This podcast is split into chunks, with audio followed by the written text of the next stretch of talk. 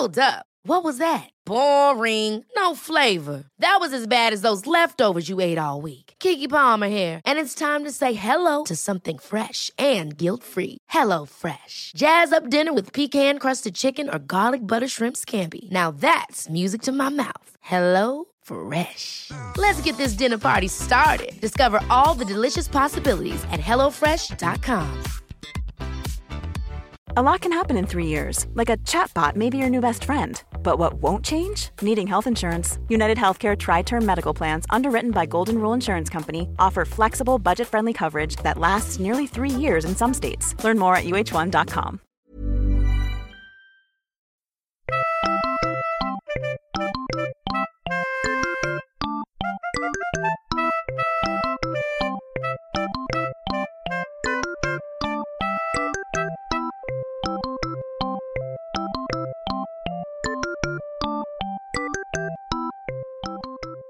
Okej, då får du testa din mick. Säg, Du berätta är- vad du gjort idag. Du är topp, jag är bottom och jag vaknade klockan 11 idag. Oj, imponerande. Jag, jag jagades upp av min fru eftersom vi måste städa innan mina föräldrar kom. Så det är det jag, det jag har gjort idag. Jag har städat, varit i Coop Forum. Vi diskuterar just eh, de olika Coop-storlekarna. jag tror vi kom fram till att det finns Coop Forum är de största. Coop Konsum är de medelstora och Coop Nära är de minsta. Ja, sen finns det också Coop Konsum Extra. Ah, är det mellan Coop Forum och Coop Konsum? Ja, det finns i Kramfors till exempel. Ah, De har så här lite mer sånt som inte är mat. Fast inte lika mycket som Coop Forum. Större eh, non-food section. ja, Vi precis. noterade att vi var på den Konsum som låg nära dig. eh, Där du bodde innan på vid, eh, vid Skanstullen då. Ja, just det. Men där har de en Coop Konsum som har en, en utökad non-food section. Står det någonstans? Och det varje gång jag skulle köpa glödlampor, eh, jag tror det var på hem, mitt närmaste Hemköp. Då eh, så frågade jag var finns eh, glödlamporna? Så kollade han, mm, var non-food section ligger där och där. och bla bla bla. Det var då jag blev medveten om begreppet non-food section. Och var de brukar placera dem i butiken. En helt ny värld öppnade sig. Allt var inte längre bara mat. Nej men det, det har det väl aldrig varit i, i snabbköp. Jag tänker mer i din hjärna. Ja, nej, nej jag, bara, jag trodde att de hade lite allt möjligt överallt. Men att de hade en sektion som var non-food.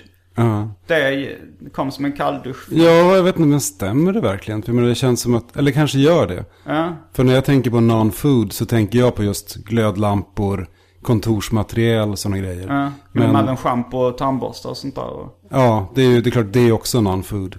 Även om man ser det som typ mat. livsmedel och så vidare. Precis. Mm, jag tror att det var soundcheck obemärkt får glida över i en introduktion. Eh, för, det, för det var så fruktansvärt intressant det vi pratade om i Ja. soundchecken. Så jag säger hej och välkomna till Arkivsamtal. Uh, veckans gäst är serietecknaren Mats Jonsson. Välkommen hit. Tack så mycket. Och eh, sidekick är, eh, vill du gå under ditt riktiga namn eller ett alias? En svensk man. En svensk man sitter och bläddrar i böcker och äter cheese crunchers, hot, flaming hot cheese crunchers. Mm. Och ja, du får komma med kommentarer om du vill ibland, ifall du har något att tillägga. Annars så undrar ni vad som prasslar ibland och, och bläddrar så här, så är det en svensk man.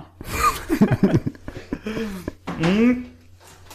Så, eh, vill du, vill du berätta lite om dig själv Mats? Innan vi kastar oss in på det omåttligt populära inslaget Välj drycken, eller ska vi...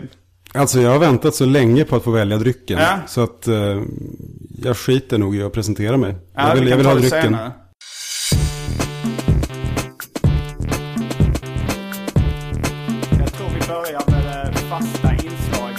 Inslaget Välj drycken!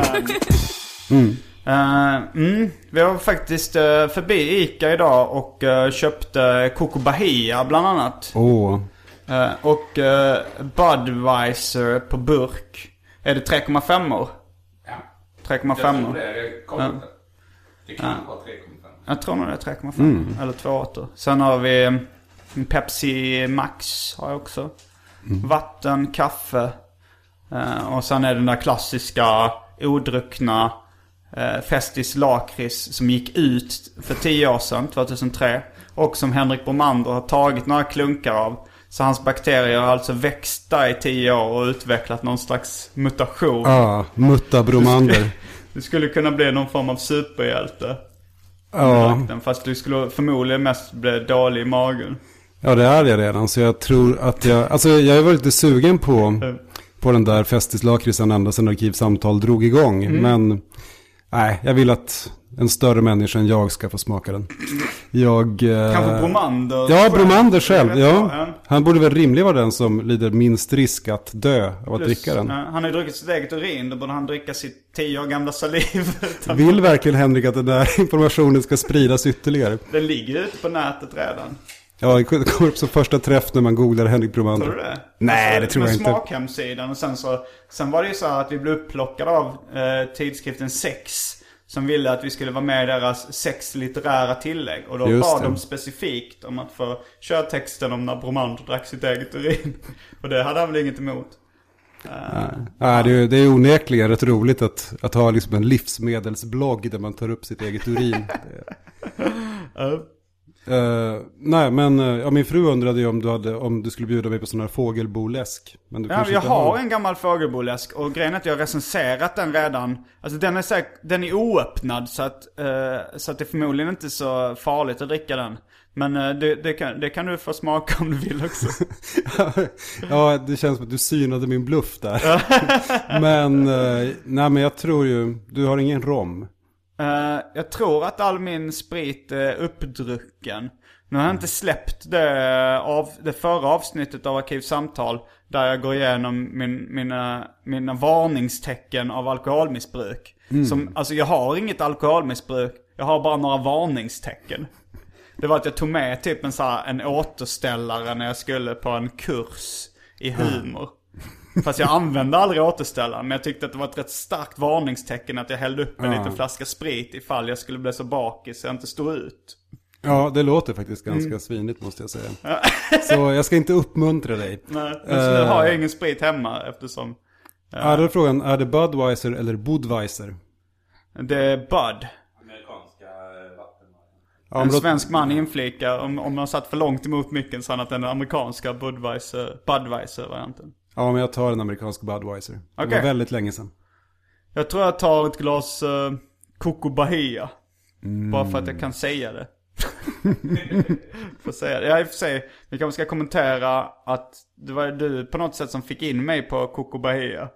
Ja, just det. För jag var ju väldigt förtjust. Du drack aldrig den på 80-talet, eller? Nej, det gjorde jag inte. Det var en kortlivad eh, kokosläsk. Men sen var det när vi båda två jobbade på Egmont serieförlaget. Så skulle vi ge ut eh, en Bud Grace samlingsbok eh, med Ernie då. Och Just då hade han ritat sig själv i tvångströja för att han var så galen. Och vi var lite Just smått det. irriterade på Bud Grace för att han var självutnämnt galen han egentligen var ganska mycket av en Average Joe-serietecknare. Precis. Och då så, så, så bestämde jag att boken skulle heta Sluten anstalt. Ja, jag tror att det var jag som bestämde det. Jag minns att du skrev baksidestexten. Ska vi göra Men, upp i nävarna? eh, eh, vi, det, kom- vi kommer nog aldrig kunna få svaret på vem som skrev. Kanske var du som går på sluten och jag som går på anstalt. Men det var i alla fall du som skrev baksidestexten där du drog rätt så på stora trisser på att Bud Grace var galen. Och att du skrev bland annat att Bud Grace är helt Coco Bahia. Just det. Och då undrade över den, eh, vad det var. Och du berättade att det var en gammal läsk. Och sen upptäckte du att den fanns. Den dök upp först i Norrland. Ja, det var ju på Konsum, eh, Coop Konsum i Arvidsjaur. Så Coop Konsum Extra. Nej, Coop Konsum. Okej, Det är där i Kramfors det finns Coop Konsum Extra. okej. Men eh, alltså i Timrå så finns det till och med ett Domus. Oj, men Domus, det finns ju knappt någon annanstans i Nej, Sverige. nej, men jag tror, alltså om de inte har bytt senaste åren. Men för bara några år sedan så fanns det faktiskt kvar ett Ja, fan, men det fanns i Kiruna också när jag var där på Mm. Simons 120 dagar. fanns det ett uh, Domus. Helt fantastiskt. Det fanns i Lund eh, när jag bodde där som tonåring. Mm. Men nu ska vi gå och hämta dryck. Vi är strax tillbaks.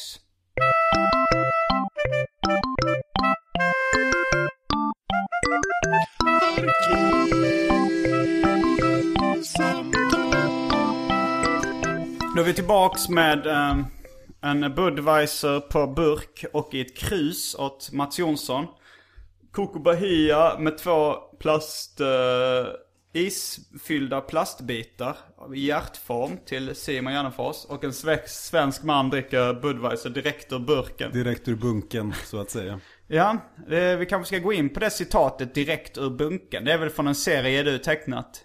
Eh, var det, jag, är kär, jag var kär i ett spöke? den hette. Just det, jag blev kär i ett spöke som var med i min debutbok Unga norrlänningar som kom 98. Berätta lite om den serien. Ja, det, var, en rätt intressant serie, i alla fall för mig. För att jag hade ju ritat självbiografiskt då i några år, ett par år kanske. Men mest gjort så här vardagsnära, små hjärtevärmande anekdoter.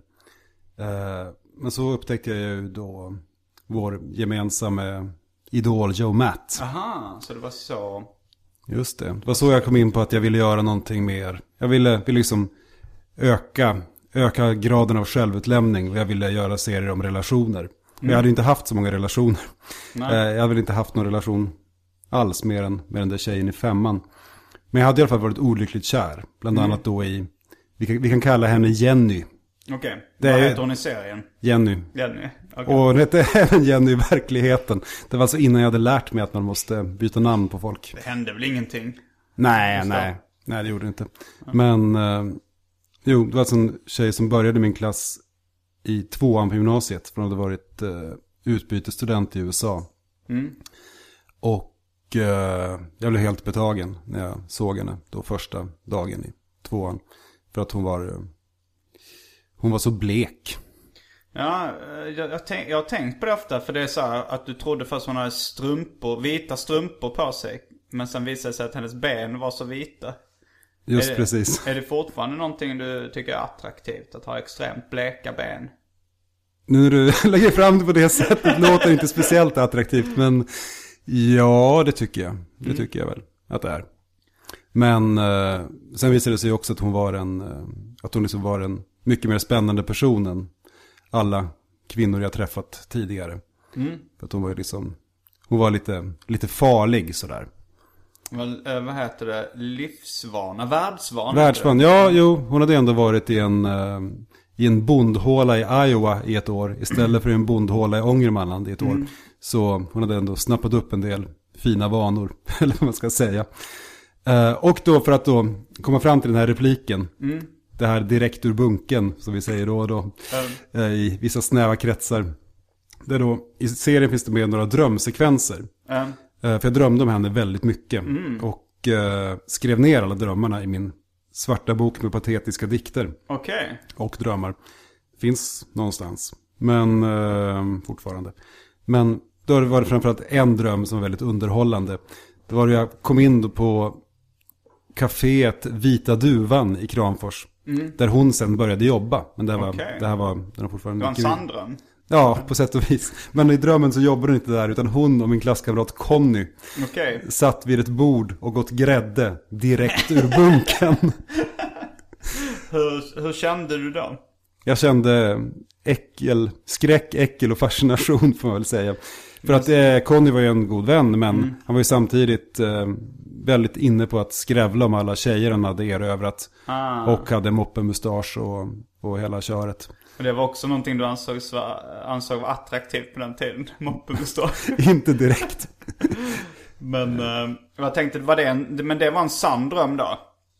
Eh, det här att, att, eller inte en sann dröm utan det var någonting du verkligen har drömt. Ja, det är någonting jag verkligen För drömt. David Liljemark, känd från tidigare avsnitt av Arkivsamtal. Eller kanske han, ökänd. Ja, känner också. Han har berättat att du någon gång gjorde en drömsekvens där du drömde att Lydia Lynch gjort en låt som hette I got sperm in my hair.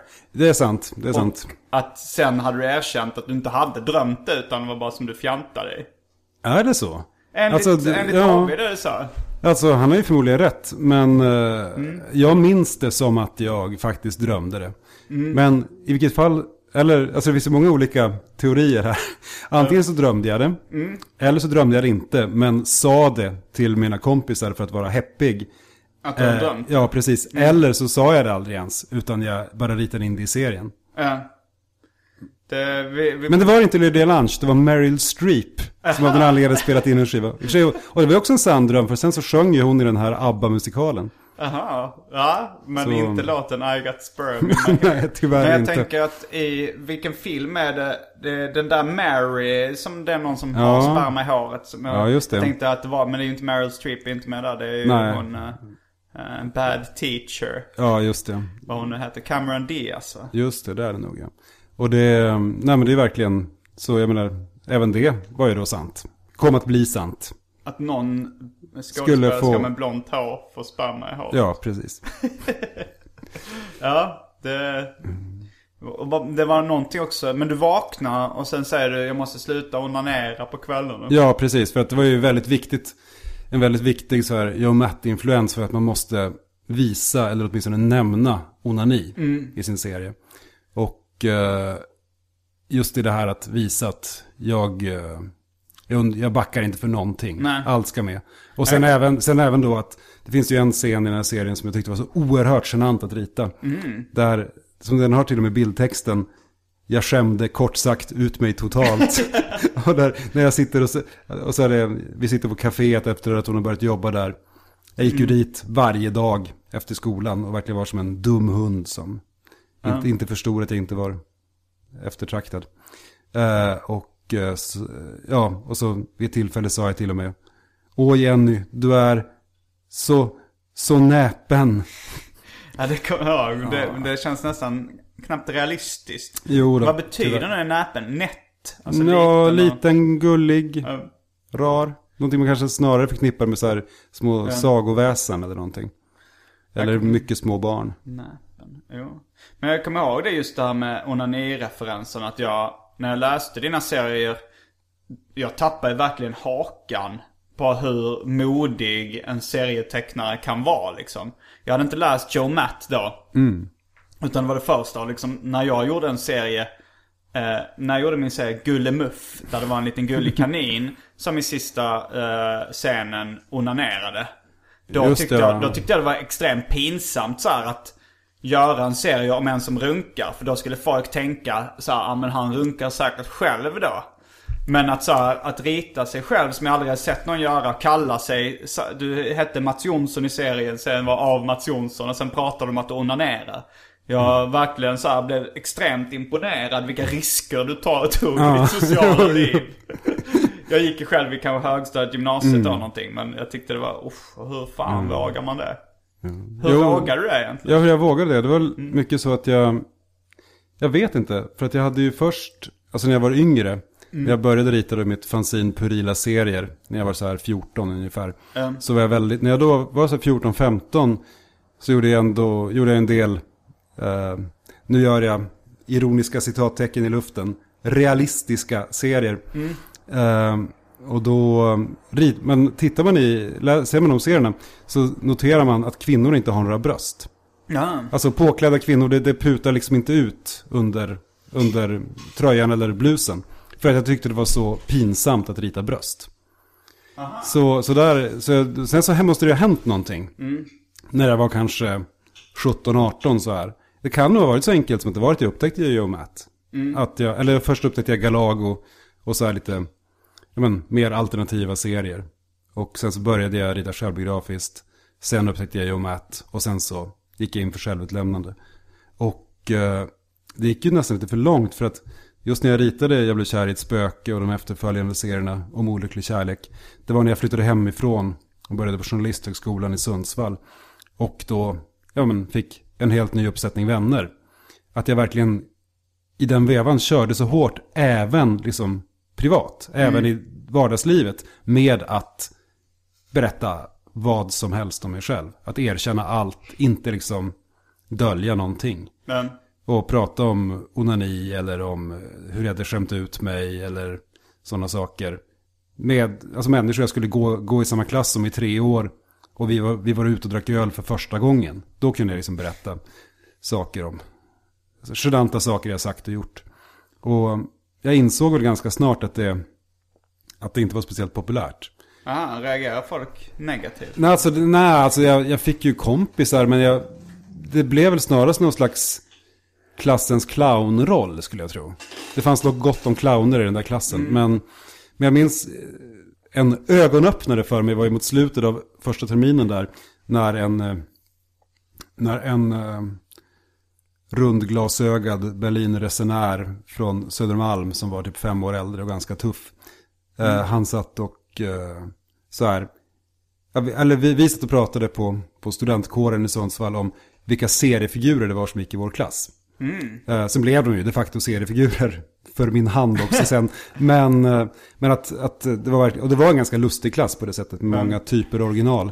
Men då sa jag, ja då satt han och gick igenom alla och sa, ja Lotta hon är si och så, eh, Jennifer är si och så, Jesper är si och så. Så frågade jag, ja, jag då? Vad är jag för någonting? Och jag tänkte mig, jag minns hur jag så här tänkte mig att det skulle vara liksom den intellektuelle svårmodige. Och så sa han, du, ja, ja du är väl mest freaket från landet.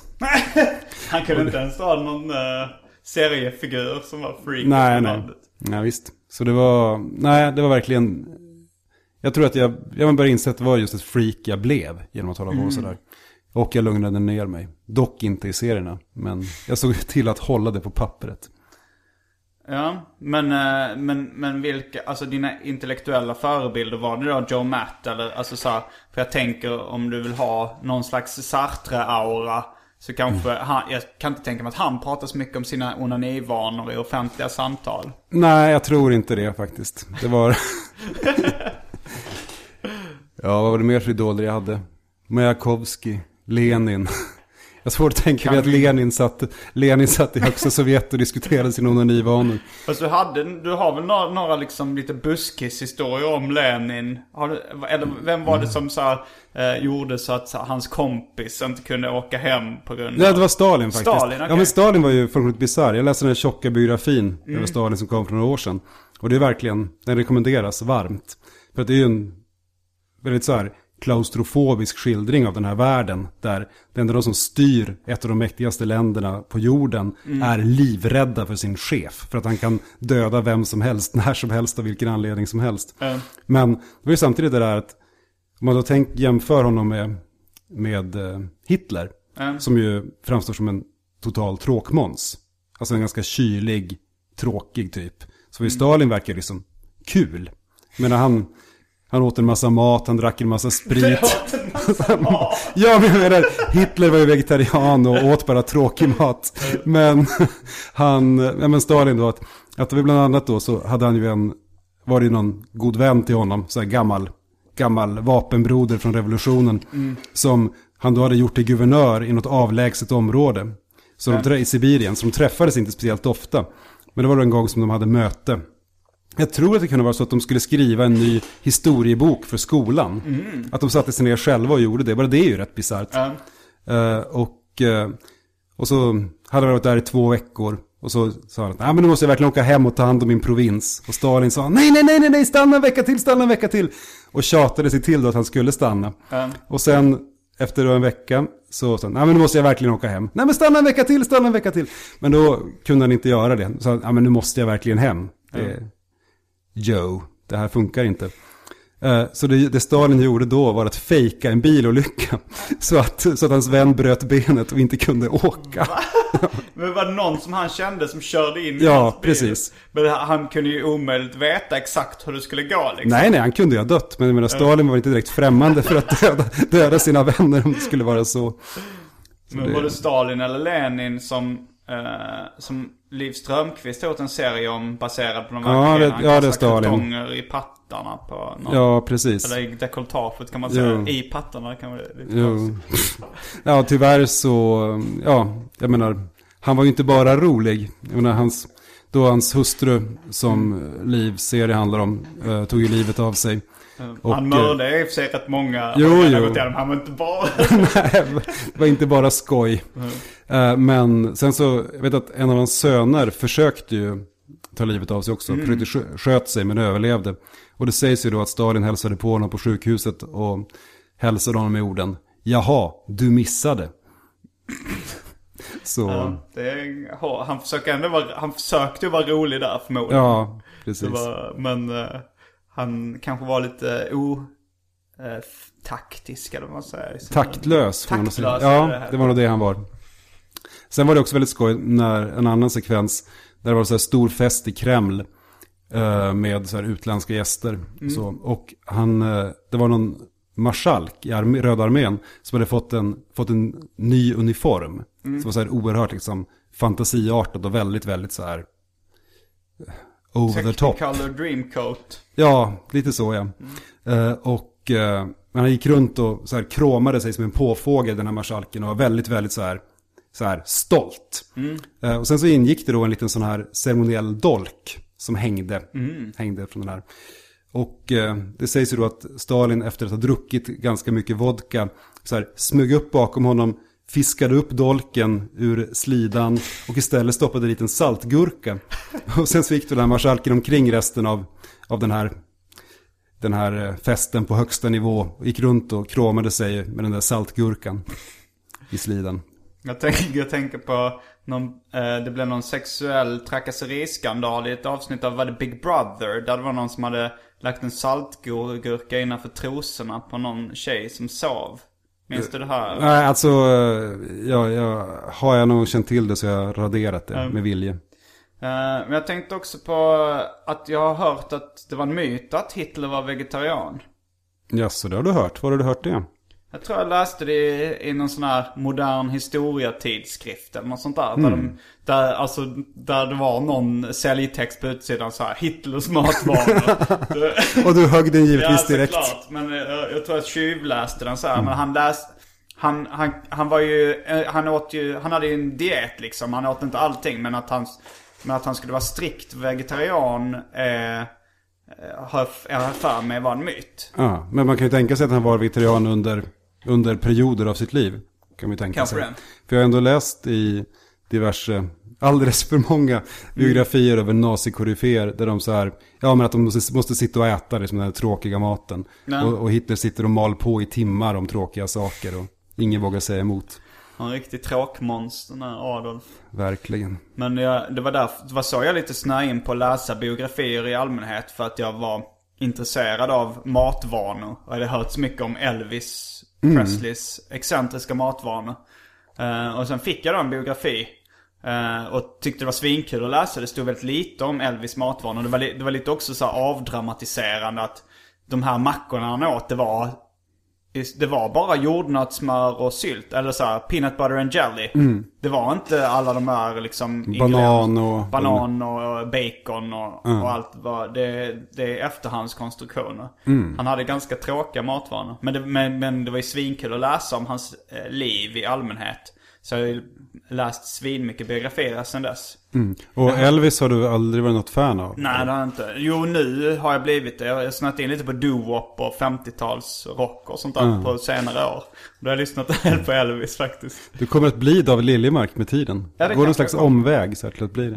Ja, Och att bli David Liljemark. För att inte du ska vara David Liljemark kanske du vill förklara vad det är att vara David Liljemark. Ja, att vara David Liljemark, det är ju, jag menar han är ju en, eh, en eh, diamant slipad i väldigt många facetter. Men eh, just det här fallet så innebär att vara David Liljemark att man så här stolt bär en Chuck Berry-tröja och går och ser diverse ringvrak som uppträder på scener runt om i världen, trots att de borde ha slutat för Ja, 30 hans, år sedan. Hans musiksmak, för, för när vi gick igenom hans musikaliska karriär så var det inte så mycket med hans musiksmak. Men det är så här, eh, ja men JVVF-rockare som här, noise-musiker.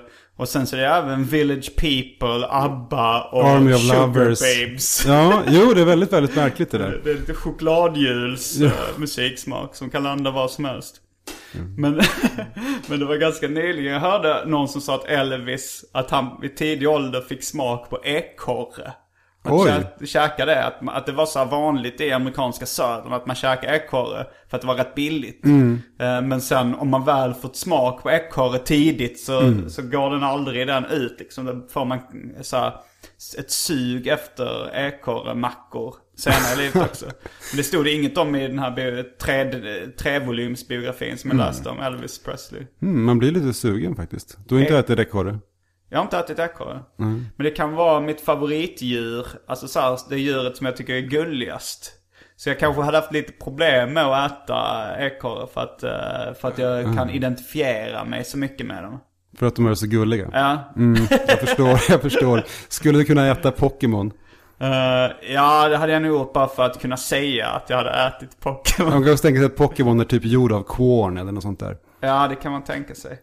Ja, dör, dör någons, någonsin i, i Pokémon? Kolla, kolla ditt barn på Pokémon. Nej, det får hon inte göra. Absolut inte. Kan ni ha koll på vad, kan hon, kan hon inte hantera YouTube själv ännu? Eh, hon är väl inte riktigt så bra på att skriva att det funkar. Och jag menar, jag tror inte att hon vet vad Pokémon är överhuvudtaget. Faktiskt. Nej, oj, det var... Men eh, för alla Mats Jonsson-fans där ute. Vad jobbar du med just nu? Eh, just nu så håller jag precis på att avsluta två projekt. Dels min barnbok Monstren i skogen. Som kommer ut på Alfabeta förlag i september. Eh, det är då en självbiografisk, surprise, barnbok. Ja men det är ju inte så jättevanligt med självbiografiska barnböcker. Nej, det är väl... Nej, det är det ju verkligen inte. Jag minns bara en som heter Ida Maria från Arfliden som jag läste när jag var liten. Den var precis lika tråkig som den låter. Men det var så här... Så här fattigt och jävligt hade mormor det när hon växte upp. Så här. Men eh, jag... Eh, Bill Cosby har gjort eh, barnböcker baserade på sin barndom. Lille Bill. Blev även tecknad film som gick på Nickelodeon. ah, En men det- inflikning. Ja, det låter ju inte helt olikt det jag håller på med. Mats Efter, Jonsson, Bill Cosby och Ida Maria, vad hon hette. från Arfliden. En Ja. diggares memoar. Precis. Nej, men jag, jag eh, alltså det blir den första boken i, i bokserien Matsböckerna. Och hur många Mats-böcker, barnböcker har du planerat? Jag har väl idéer, så här, hållbara idéer till sex stycken. Oj, oj. För så att- det blir fler barnböcker än vuxenserier? Kanske, kanske. För att det, det är det att jag, eh, 2005 gav jag ut boken Pojken i skogen, som Mm. då är en självbiografisk serieroman om min barndom, eh, riktad till en vuxen publik. Mm. Men det jag kände är att det är min egen absoluta favoritbok, den jag är mest nöjd med. Ja. Och att... Men att det samtidigt finns så många historier där som jag bara skrapar på ytan till. Att det finns... Att, eftersom jag då, då skildrade hela min barndom, liksom tills jag började gymnasiet, på 220 sidor, så är det ju massor med saker som har, jag har gjort en serie på fyra sidor om, som jag egentligen skulle vilja berätta mycket mer om. Men jag kan inte göra så här, eller jag känner att jag vill inte göra så här ett barndomsseriealbum till. Det känns liksom, det blir lite så här, jag menar att, nej, nej, jag gillar inte tanken på det. Men då slog det mig att jag kunde göra barnböcker istället. Och det, nej, det, det känns som att det funkar. Tar det, mycket, tar det mycket kortare tid att göra barnböcker än serie, se, tecknade serier? Ja, det är också en bidragande orsak kan jag säga. För det är ju så att när jag då gav ut min senaste serieroman Mats Kamp för ett och ett halvt år sedan. eh, Så ritade jag ju då hundra sidor på fyra månader. Eh, Samtidigt som jag ju då jobb, jobbade heltid och tog hand om mitt hushåll och mitt barn. Så att, eh, jag menar, det är en takt som egentligen inte borde gå att hålla. Det är liksom, Ja, det är som Det- mexikanska kvinnor i USA. Så att tre Ja, jobb. jo, Fast de är lite får så. tråkiga jobb kanske istället för tecknade Ja, jag hade det nog bättre. De kan inte lyssna på ljudböcker medan de, medan de arbetar. Men, eh, nej men och sen efter det så kände jag att, nej, jag vet inte när jag tar upp en penna nästa gång. Men, Och jag vet inte riktigt heller vad nästa serieroman ska handla om. Så då, men då kände jag ju då i höstas, när det hade gått lite drygt ett år sedan Mats Kamp kom, kände jag att då började jag ändå känna den där liksom kliande känslan av att jag måste göra någonting. Jag måste börja med någonting igen. Att jag liksom, att jag får något, något slags lågintensiv ångest av att inte rita. Och då, då började jag, gjorde jag ett synopsis till Monstren i skogen. Som jag sen, eh, och så gjorde jag skisser som jag sen visade för Alfabeta och de tyckte det var, tyckte det var bra. Så jag körde. Och det tog ju då, hela produktionen har ju då tagit ett halvår ungefär. Men jag har jobbat mycket, mycket mindre intensivt med det än vad jag har gjort med mina serieböcker. Om man jämför att till exempel Mats Kamp innehåller säk- säkert 1500 teckningar. åh jävlar. Och Monstren i skogen innehåller 60.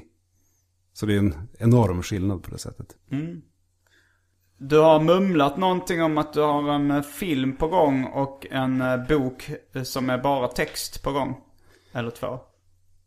Ja, eh, jag ska säga som så att eh, film manuset baserat på min, på min eh, serieroman Hey Princess är, det, det manuset är färdigt. Jag har skrivit det tillsammans med bestseller urban fantasy-författaren Sara Bergmark Elfgren. Och eh, det är ett jätteroligt manus.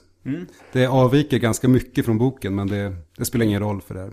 Det är, det är, vad ska man säga, det är en, eh, det är en romantisk komedi eh, fast Done bra. right. Done right.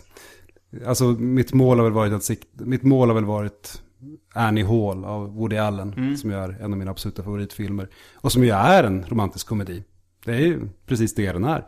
Men, men liksom bra. Eh, sen ska jag inte säga mer än att eh, vi har kontrakt med ett filmbolag som kanske gör den. Okej. Vi får se. Det var del ett av frågan. Det, ja, och eh, för att vara lite hatisk så säger jag på B svarar jag. eh, att jo, jag har eh, ju också hållit på med spoken word. Alltså att skriva texter som jag läser på scen. Eh, jag har inte gjort det så himla mycket egentligen När var senare senast du år. gjorde det? Ja, när var det egentligen? Det var... Du har eh, inte gjort det på de senaste Galago-fastorna som jag har fattat det. Nej. Vi ska kanske nämna att Mats Jonsson även är redaktör eh, på Galago. Alltså vilken renässansmänniska jag är. Ja. Det är fantastiskt. Men, ehm, nej men jag, jag har ju faktiskt läst text någon gång på sistone. Men jag kommer faktiskt inte ihåg vilket sammanhang det var. Men problemet är inte så mycket att läsa texterna som att skriva dem. Det är som att det tog stopp någonstans. Att jag, jag hade liksom betat av mina roliga anekdoter. Det var nog höjd med att jag fick barn faktiskt. Som, som mitt liv slutade vara underhållande på det, på det sättet. Du får väl följa Bill Cosbys fotspår då och göra Kids say the darnest things. Ja, men det, jag har ju ändå gjort en, en serie på en halv sida som handlar om, som handlar om det. Med dödskallar och eh, varningar. Men, eh, nej, men, eh, men de här texterna är jag ju då, har jag då länge velat samla och ge ut i bokform. Och nu har jag ju faktiskt ett förlag som är intresserat. Men nu är det jag som har börjat få kalla fötter. För att jag känner att, na na na, om jag ska liksom, liksom göra romandebut så ska det vara en riktig roman. Det ska inte vara några texter som sitter ihop. Man ska inte urvattna sitt varumärke, bla bla, snavelstri. Så jag vet inte riktigt. Jag, jag, jag vet, jag vet inte. Nej. Det finns verkligen, jag tycker själv att det finns riktiga guldkorn i de där texterna. Men hur de funkar liksom mellan pärmar och ihop, det vet jag inte Du riktigt. kanske skulle kunna sy ihop dem till en roman. Alltså så här, alltså det som passar in. Ja, jag tror nästan snarare att jag skulle sätta mig och skriva en roman från början. Men liksom sno saker från. Ja. Alltså inte som i copy-pasta utan mer som i att använda samma teman och så. Ja. Det var två frågor jag tänkte nu på eh, som har dykt upp. Eh, och båda börjar med, har du sett? Jag tänkte när vi snackar om romantiska komedier baserat på serieromaner så tänkte jag på Jeffrey Browns eh, Save the Date. Nej, jag har inte sett den faktiskt. Det har inte blivit av. Nej, jag har sett den. Den var inte så jättebra faktiskt. Ehm, och sen andra jag skulle fråga var, har du sett Kids Say the Darnest Things? Med Bill Cosby Jag, bakom rodret. jag tror att jag har sett det någon gång. Men alltså det, det lustiga är ju att jag... Jag höll, jag, trodde, jag höll nu på att säga att jag, är att jag aldrig såg eh, The Cosby Show. Aha, Men att jag faktiskt såg ett avsnitt. vad handlar det om? Var det Uh, avsnittet? Eartha Kitt var med. Vad sa du? Eartha Kitt var gästartist. Vem är det? Ja, det är ju en eh, berömd sångerska. Ah. Nu död, tror jag. Eh, hon är ju... Och även märkligt nog så är hon nog en av de få utlänningar som hade ett eget eh, avsnitt av Här är ditt liv med Lasse Holmqvist. Oj! Eller, nej nej, jag, jag, jag ljuger. Eh, min hjärna är som en gammal skräpkammare. Det var förstås Jan Malmsjö som var gäst. Och Eartha Kitt var en av ytterst få utländska, så här, kommer in i studion och överraskar. Precis. Och det blev väldigt genant för att just innan hon kom in så, så hade Jan Malmsjö uttalat sig med henne och sagt att nej, hon var inte mycket till sångerska. ja, här kommer hon i alla fall, sa Holmqvist. Så det, Jan Malmsjö, det var, jag hitt, min mamma köpte singeln Hey Clown som vi spelar sönder rätt mycket på vinylspelaren hemma i Hjärup. Du gillade den alltså?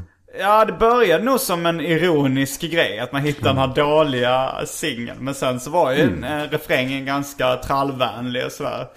Och min brorsa han har fortfarande Hey Clown eh, i sin e-mailadress. Ooh. Jag, jag tror, jag vet inte om det är den e-mailadressen han har kvar, men han hade ett tag heyclown at yesbox.com.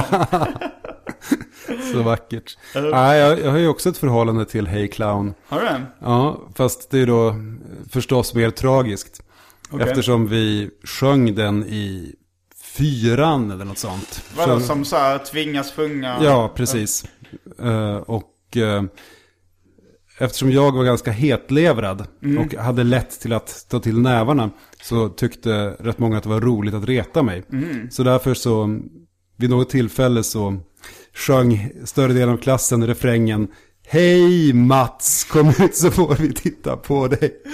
Och eh, jag tog mycket illa vid mig.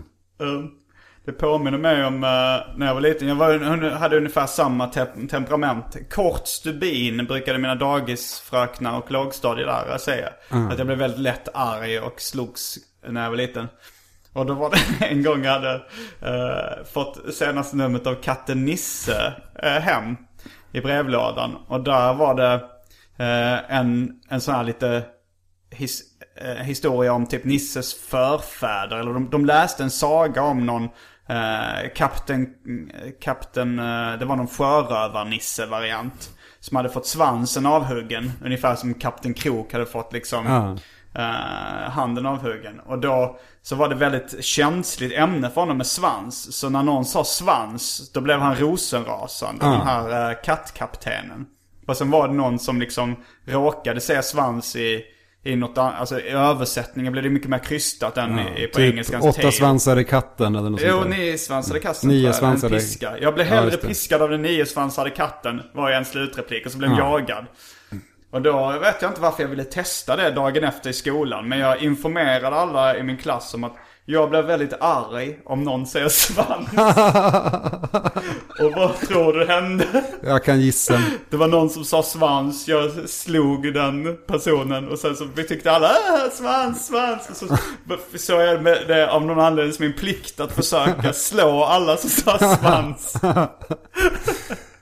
Fantastiskt.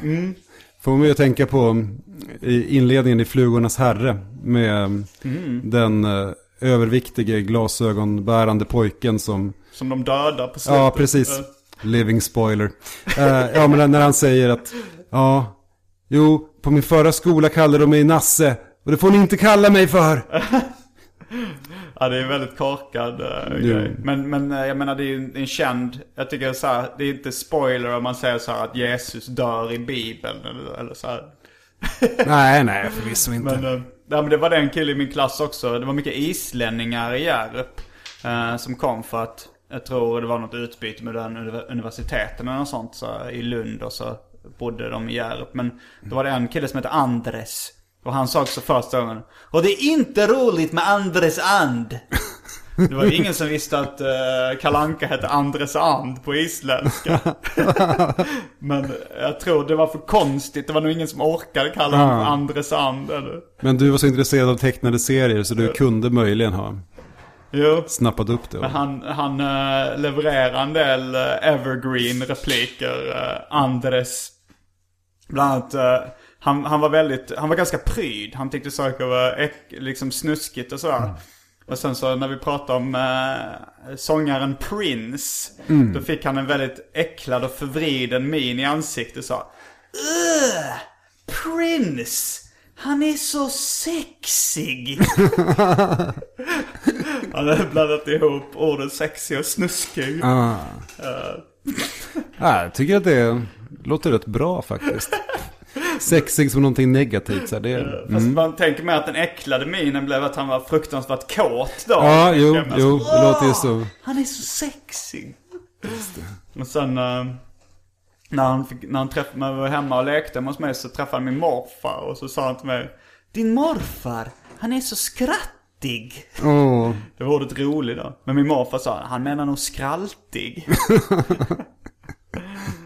Ett ordvitsande gäng. Ja, det är underbart.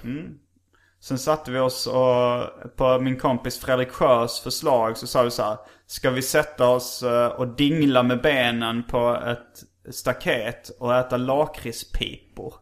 Det kändes som en sån att han hade köpt liksom klichén av en pojkbok. Ja, verkligen. Att man skulle leva ut Just det. Ja, jo, det lustiga där, det, det minns jag, jag var också väldigt inne på det här pojksbo, pojkboksklichén. Med att man skulle vara renhårig och bussig. Och, det, och jag minns det, det var en gång när min... eh, eh, En svensk man, kan du öppna dörren? Det knackar. vem kan det vara? Det kan vara Maria kanske. Om det inte är någon arg granne eller någonting. Ja, granne med nyckel. Värsta sorten.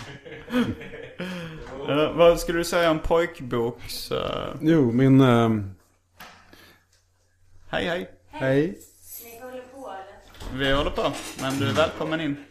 Kom det även en svensk kvinna in Ja. i mixen. En måttligt svensk kvinna. Mm.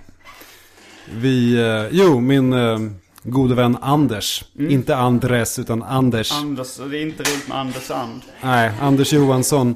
Han eh, skulle köpa mina plastsoldater när hon gick på mellanstadiet. Ja. För 60 kronor. Oj, hur många var det då? Ja, det var väl några hundra. Det var verkligen groteskt underpris, men...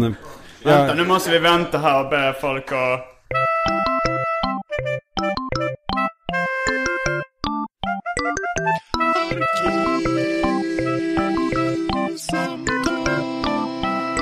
Okej, eh, vi blev lite avbrutna där tror jag. Men nu, nu eh, har jag eh, satt ner foten. Så plats för skratt. Jag sa till väldigt vänligt. Eller? Ja, det var väldigt vänligt faktiskt. Eh, var var vi någonstans? Anders Johansson, min gode vän och klasskamrat. Var det han som eh, cyklade förbi dig när jultidningskatalogen? Nej, nej, nej, nej, nej, det var Mattias Westin. Okej. Det är också en bra historia. Ja, den tar vi efteråt. Ja, det gör, det gör vi. min- Det gör vi. Okej, Men, Anders- nej, Anders Johansson skulle köpa mina plastsoldater för 60 kronor. Ett groteskt underpris. Det var det? Ja, det var det. Men jag behövde liksom en semesterkassa, för vi skulle till Östersund på bilsemester. Eh, Vad skulle du köpa för dina 60 kronor? Ja, jag köpte faktiskt plastsoldater. Men, nej det kan jag inte ha gjort. De är förbjudna i Sverige vid det laget. Aha. Ja, jag, köpt, nej, jag köpte en um, byggsats av hangarfartyget USS Nimitz. Oj. Eh, men, eh, jo. Sen, men sen den dagen då jag, hade, då jag skulle eh, sälja plastsoldaterna. Jag skulle följa med Anders hem efter skolan. Med mina plastsoldater. Få mina 60 kronor. Då fick eh, vår klasskamrat Torbjörn höra detta och sa 60 kronor! Det är ju ingenting! Jag skulle betala 200! Oj.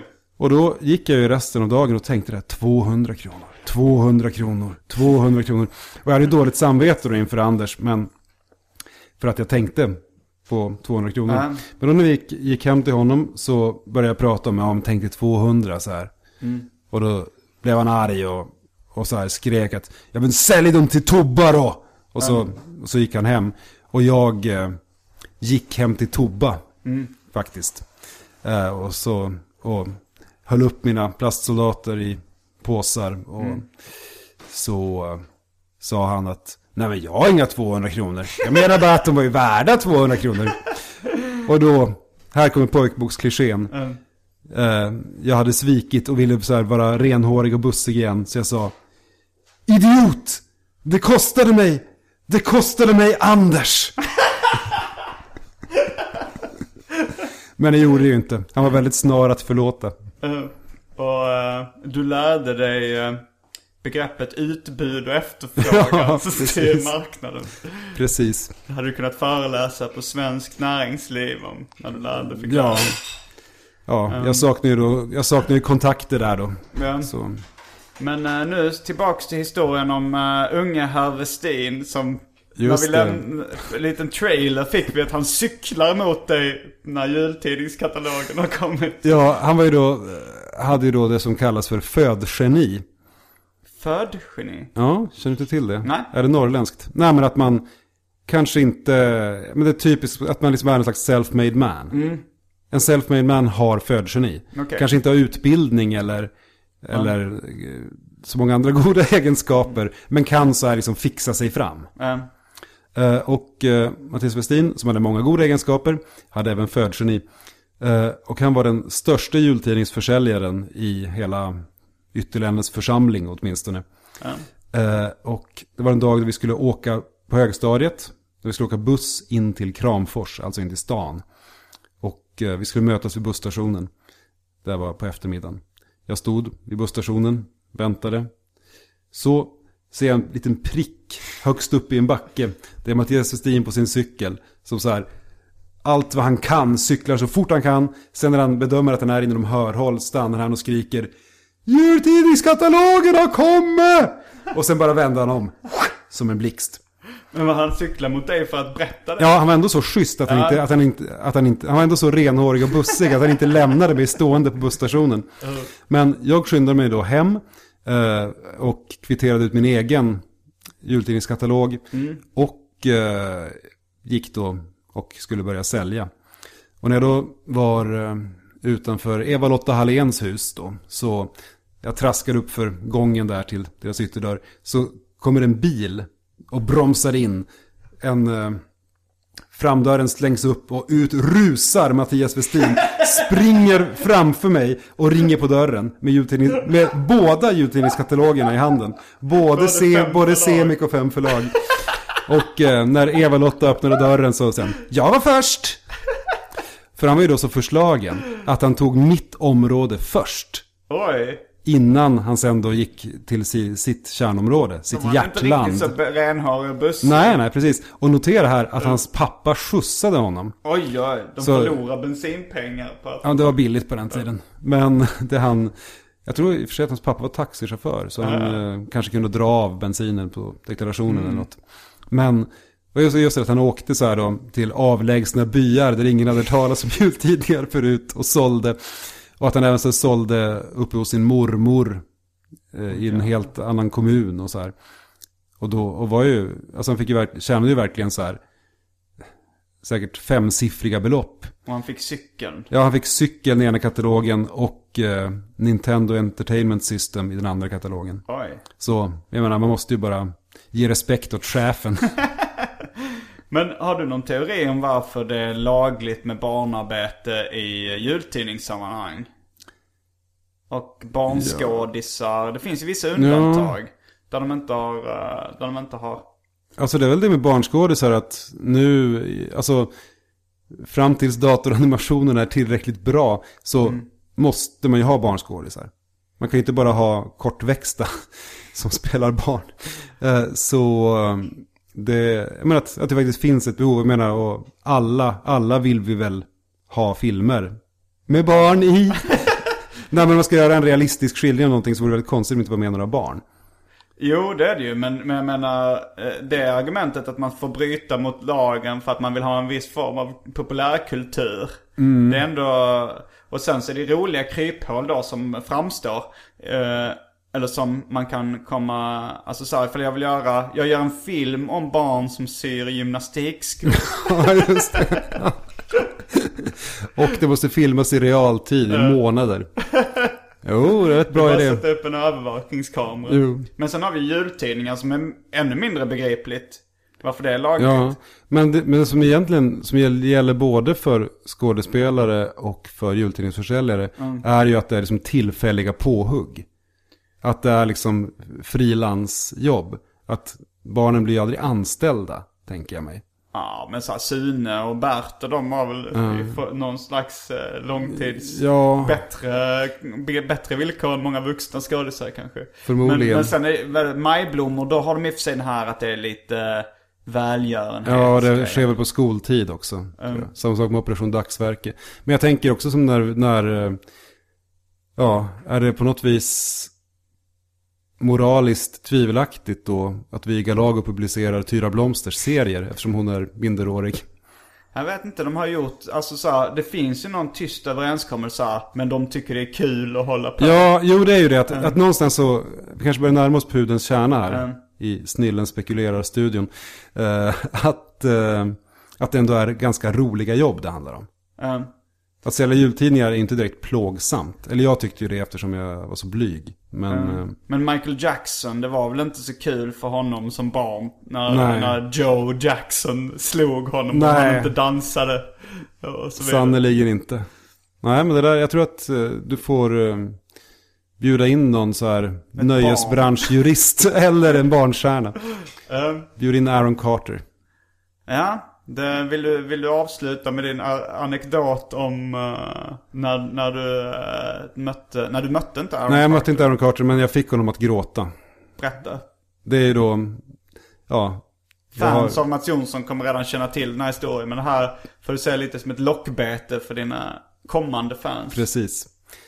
Jo, eh, saken är den att jag arbetade på Atlantic förlag en gång i tiden. Vi gav ut tidningar som Python, Larsson, Superplay, Hette de inte Atlantic Förlags? Förlags AB.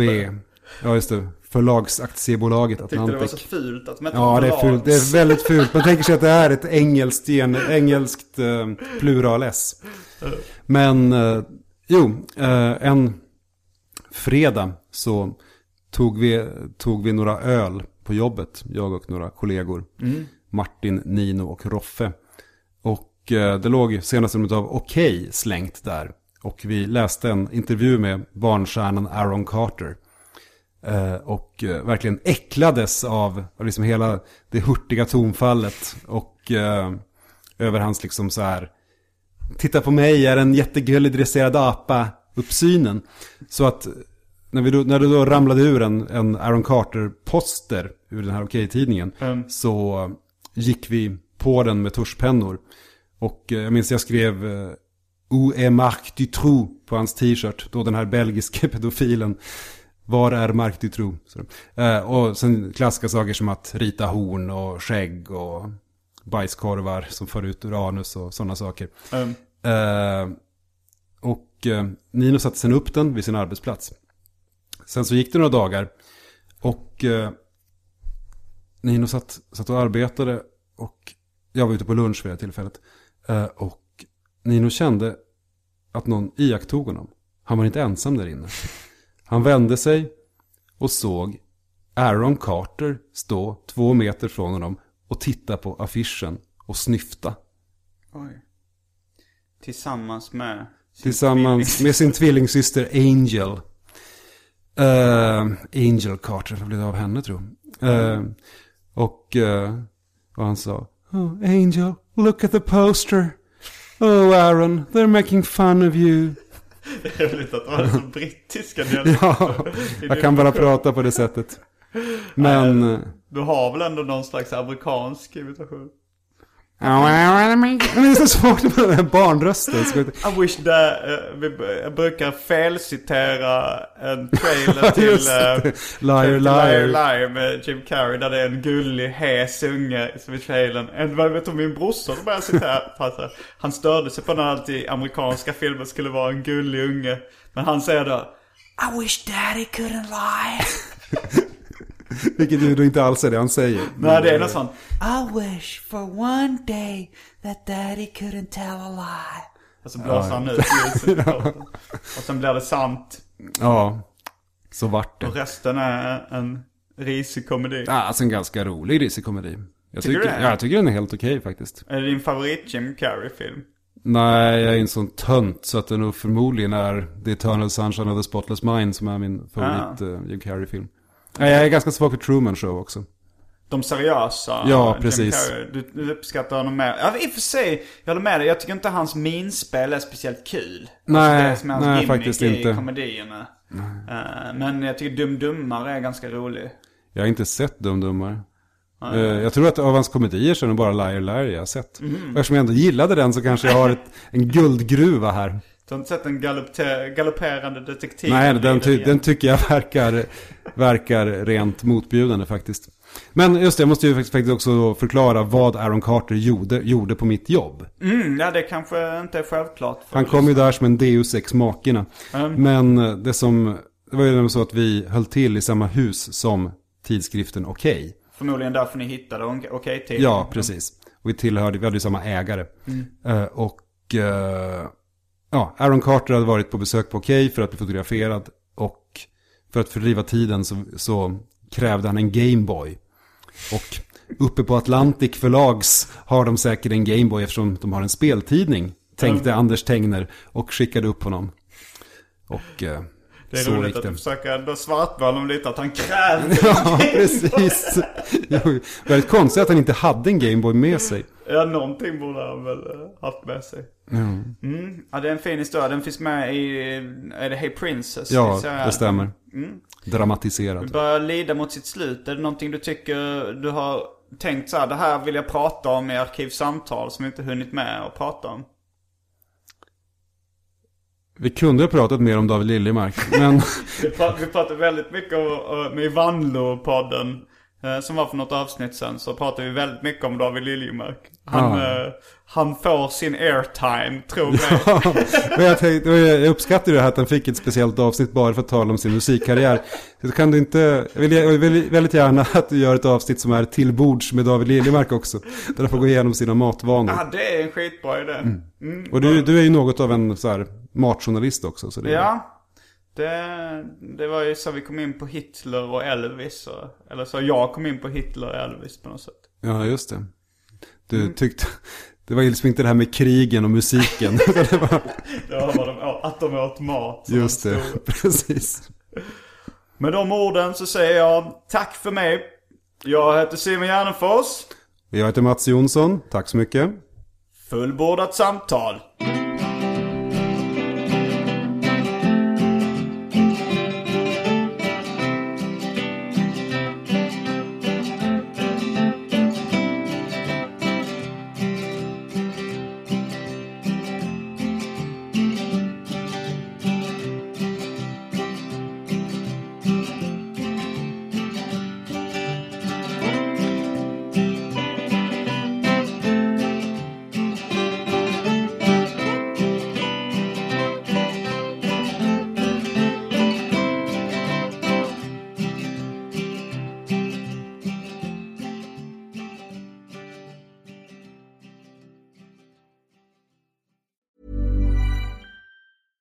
Planning for your next trip?